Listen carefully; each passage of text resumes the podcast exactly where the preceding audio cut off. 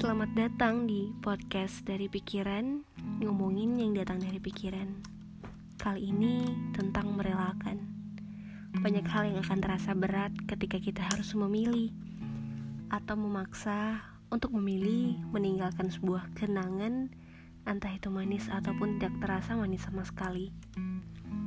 Rasanya semua kenangan sama-sama akan meninggalkan yang namanya sebuah perasaan Perasaan yang sama-sama sulit untuk dilupakan. Entah sampai kapan kita akan terikat oleh perasaan yang malah menyiksa batin dan raga kita. Terkadang yang menyiksa sudah terasa jelas tampaknya. Namun tak mengapa masih ada yang terus bertahan. Berharap hasil sebuah bertahan memberi hasil sesuai harapan. Ketika kita sulit untuk merelakan, perasaan pun akan terasa sulit ketika melangkah. Saat raga berdiri di sebuah tempat, namun pikiran berada di tempat lain. Merelakan memang tak semudah membalikan telapak tangan, tapi kebahagiaan kita ada di tangan kita masing-masing. Memang, perkara hati semuanya tak sama.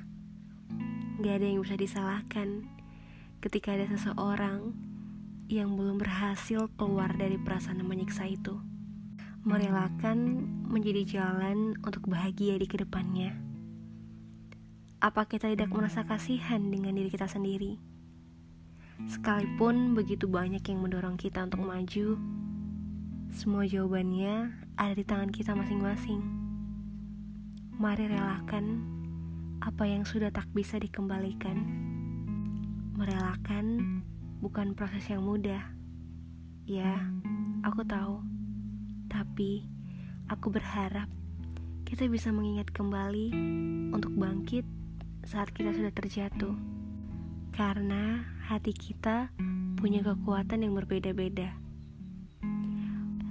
Semoga tidak terkunci terlalu lama ya. Semoga kita semua saling mendoakan agar mampu berbahagia dengan cara masing-masing.